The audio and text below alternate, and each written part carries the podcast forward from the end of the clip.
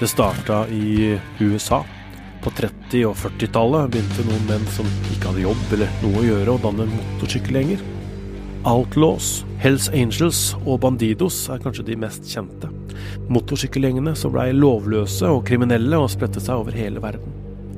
I 1990 dukka det opp en ny motorsykkelgjeng i Nederland. Satudara MC. Ett blod betyr det. Logoen som er på ryggen på motorsykkelvestene, er ett mørkt og et lyst ansikt i profil, med fjærpryd. Og en rød stripe mellom dem som symboliserer blod. I Norge har klubben hatt medlemmer siden 2014, og nå har navnet dukka opp i nyheten igjen fordi to personer som knyttes til Satudara i Oslo, er sikta for å ha skutt mot to personer fra en annen kriminell gjeng. Og etter en knivstikking i Lillestrøm før jul, er det flere som er pågrepet, og som kobles til denne motorsykkelgjengen. Hva er Satudara, og hvordan funker egentlig kriminelle MC-gjenger? Jeg heter Tor Erling Tømt Ruud, og dette er Krimpodden i VG.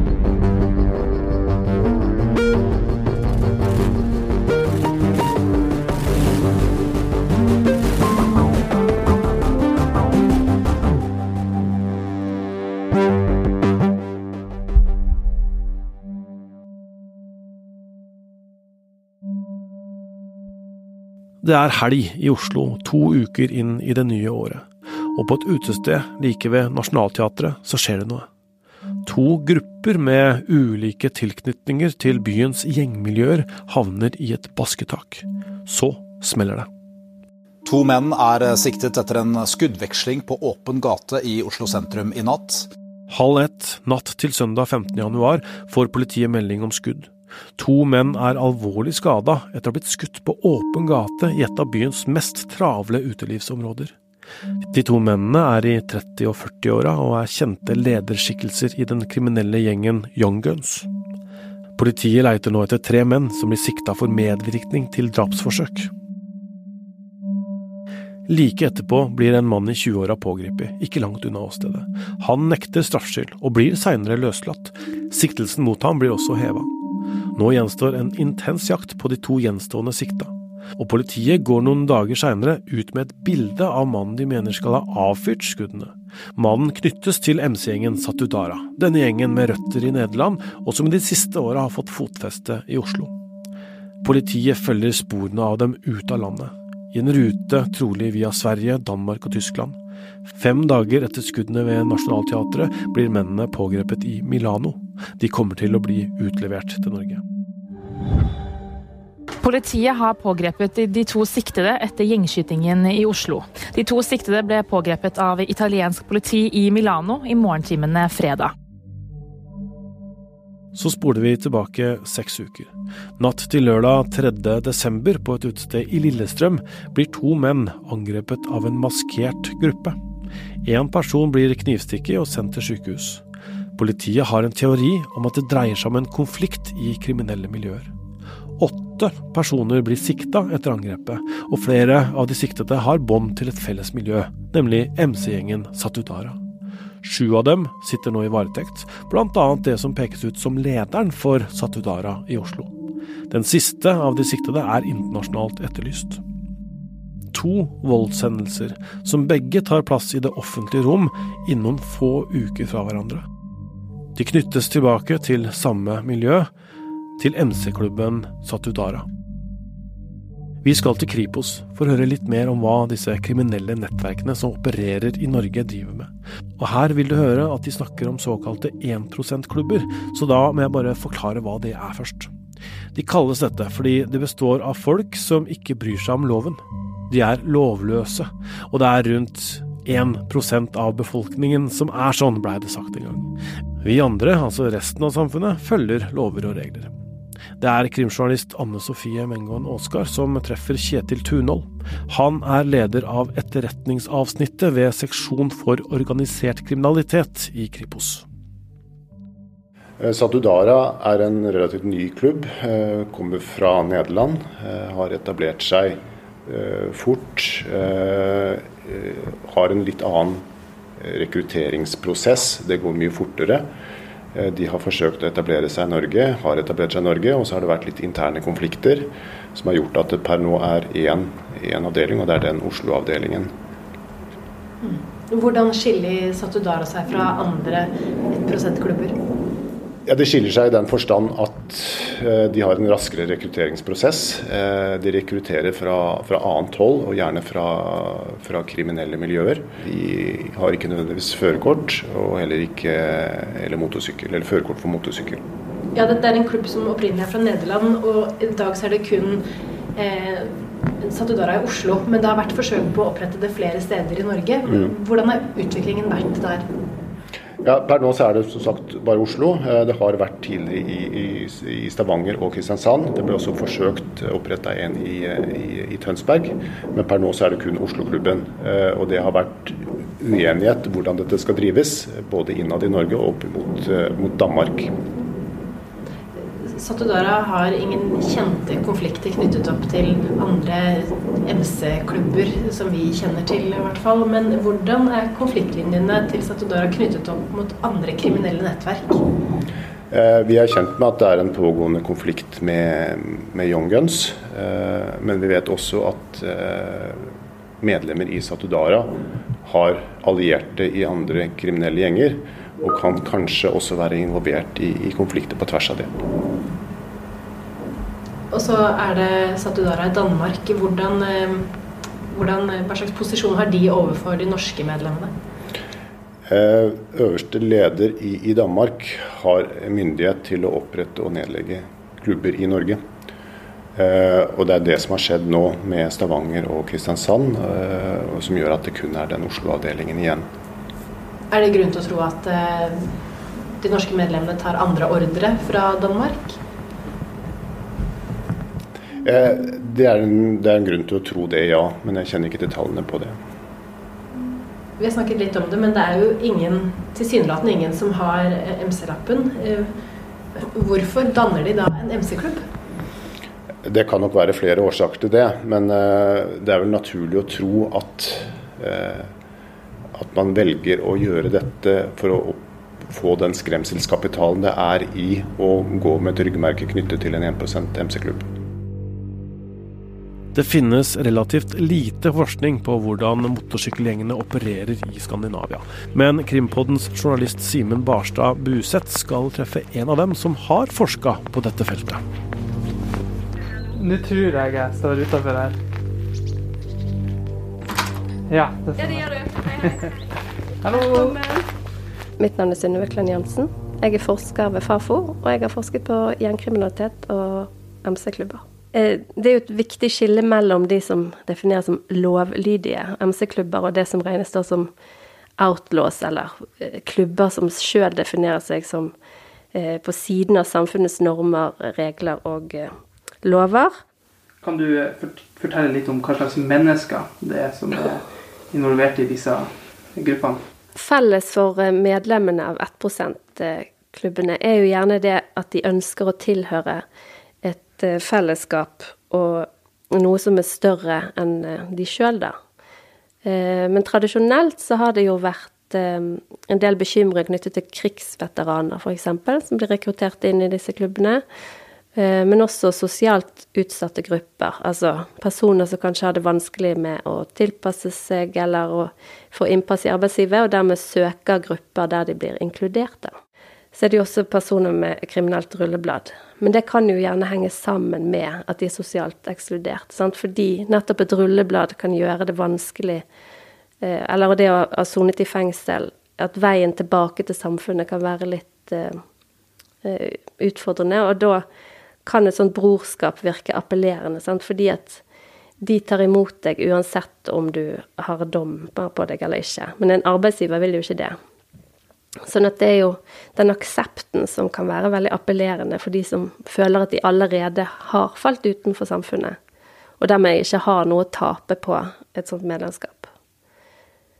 Eh, det som skiller Satudara kanskje fra andre grupper, er jo en mer eksplisitt aksept, og kanskje jakt, eller at de ønsker å knytte til seg personer med kriminelt rulleblad.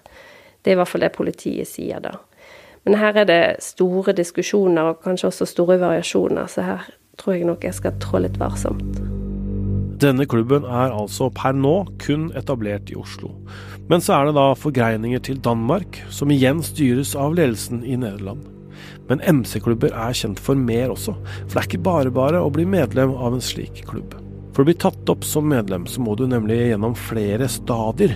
Først må du gjennom en periode som hangaround. Og de fra MC-miljøet som jeg har snakka med, sier at da må du gjøre all drittjobben. Du må koke kaffe, vaske, fikse ting for de andre medlemmene osv. Når du har kommet deg gjennom det, så kan du bli tatt opp som prospect, og da får du mer ansvar. Da kan du få lov til å være med på fester, og kanskje gjøre litt mer sånn gjengrelaterte oppgaver og til slutt så blir de tatt opp som fullverdig medlem. Mange av disse MC-gjengene har også forskjellige seremonier som du også skal igjennom for å bli medlem. Det omtales gjerne som brorskap, men eh, man kan også se på det som en organisasjon med ganske tydelige eh, linjer for ledelse. Eh, og da er det jo denne ideen om at det er en president på toppen og visepresident, sergeant of arms og secretary treasurer. Så alle har liksom sine roller. I tillegg så er de road captain, som gjerne tar eh, ansvar for eh, trafikale sider, eller det man kan sånn, tenke på hvis man skal f.eks. ut på et treff.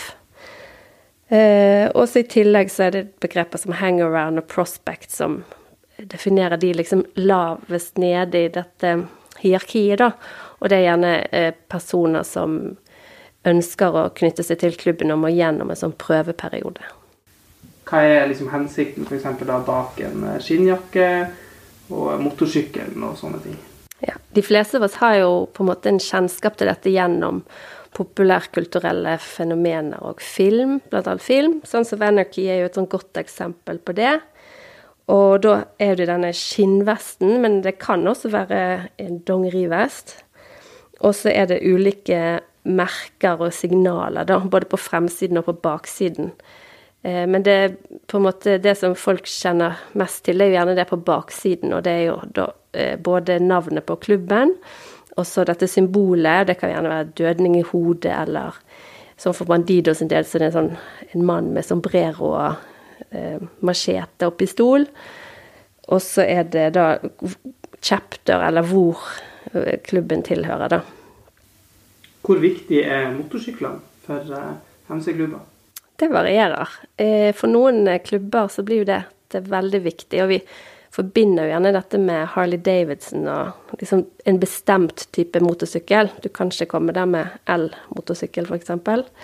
Men eh, i de nye klubbene så er ikke det så viktig, og mye tyder jo på at den kulturen er på en måte mer fleksibel enn man kanskje så for seg før, da. Eh, og en del av de fremtredende figurene i Hells Angels kjører jo ganske dyre luksusbiler. Sånn at her er det stor variasjon. Og Satudara er jo da et eksempel også på denne endrede kulturen, der motorsykkellapp og det å eie motorsykkel er ikke like viktig som det kanskje var før. Derav så har vi også begrepet om Nike-bikey, for det betegner da den gruppen av såkalte MC-medlemmer som da ikke verken har eh, motorsykkel eller lappen, og så blir det på en måte et sånt eh, slengord da, eller uttrykk. Hvordan eh, type kriminalitet er det MC-klubber vanligvis eh, knyttes til? MC-klubbene, altså de som defineres som ettprosentere, de eh, kobles jo gjerne til narkotikavirksomhet, eh, inkassovirksomhet, men også alvorlig vold og trusler om vold det, det i Norge, og i tillegg så internasjonalt, så er det jo også knyttet en del eh, til prostitusjon og menneskehandel. Eh, tror du eh, MC-miljøet i Norge er i en slags endring? Når det gjelder endringen i situasjonen for 1 %-miljøene i Norge, så er det et litt sammensatt bilde, der vi kan på den ene siden snakke om at den tradisjonelle Eh, dikotomien eller skillet mellom gategjeng eller gjeng versus MC-klubb-gjeng er utfordret. Så der er Satudara et eksempel på det. Der vi kan snakke om en hybridisering da, av disse fenomenene, og der eh, det å ha motorsykkel og ta lappen, det er ikke så viktig for medlemskap. Og det andre er jo at vi nå ser en utvidelse både av territorier og av ny, der det også kommer nye medlemmer og yngre medlemmer. Eh, for ti år siden så regnet man det som usannsynlig at man ville rekruttere nye MC-medlemmer i Oslo, f.eks. Eh, og det er jo litt annerledes i dag, sant? fordi man nettopp bekymrer seg for de yngre generasjonene. Eh, og det tredje punktet er jo at vi ser da denne økningen i antallet klubber, men også supportklubber. Og, det er ikke nytt. Så Satudara sin inntredelse i Norge er på en måte del av et mye større bilde her, og der um, man har uh, parallelle ekspansasjoner både av Outlaws og Hells Angels og Bandidos. Det fjerde poenget er jo at uh, det også da er endringer i kulturen. Og det var jo det jeg nevnte med Nike Bike som et eksempel på, men at uh, motorsykkel ikke er så viktig lenger, og at men at det også er andre endringer, f.eks. det at det ikke lenger nødvendig med et livslangt eller det er ikke så strengt med dette livslange troskapen og lojaliteten. Man ser at det også skjer at eh, medlemmer går og skifter klubb. Eh, og går fra den ene klubben til den andre. Det har man jo sett en stund, da. Men eh, det blir kanskje tydeligere i Norge også fremover.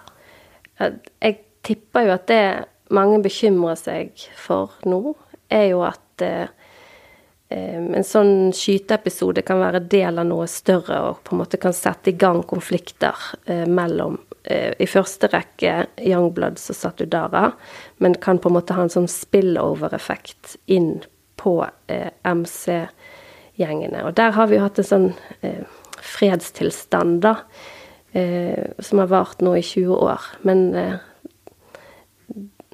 den er jo alltid Det er jo en sårbar fredsallianse mellom Bandidos og Hells Angels.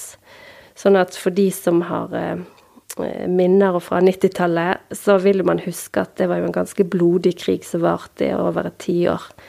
Og der eh, elleve mennesker mistet livet, og eh, et betraktelig antall ble skadet. Den gangen var jo dette på en måte litt nytt for politiet, da. Så jeg tror jo at de vil være litt raskere nå med å agere og prøve å holde konfliktnivået nede. Vi skal tilbake til Kripos og Kjetil Tunhold, som er leder av etterretningsavsnittet ved seksjon for organisert kriminalitet i Kripos.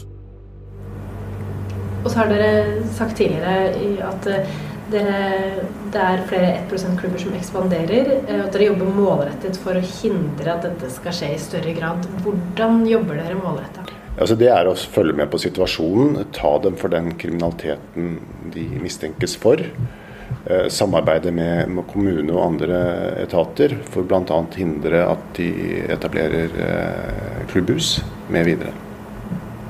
Hva slags kriminalitet er det som kjennetegner f.eks. Satudara? Eh, spesielt narkotika- og voldskriminalitet. Med utgangspunkt i de som rekrutteres inn i Satudara, mm. det er ofte kriminelle som rekrutteres pga. sin kriminalitet. Hva gjør det med den voldskapitalen og den, det miljøet som er i Satudara? Altså, det vil jo gjensidig forsterke hverandre ved at man rekrutterer fra kriminelle miljøer hvor man allerede har en kriminell ballast, og også da en voldskriminalitet eh, som bakgrunn. Hvor oversiktlig er eh, gjengmedlemmer, kriminelle nettverk, i Norge nå?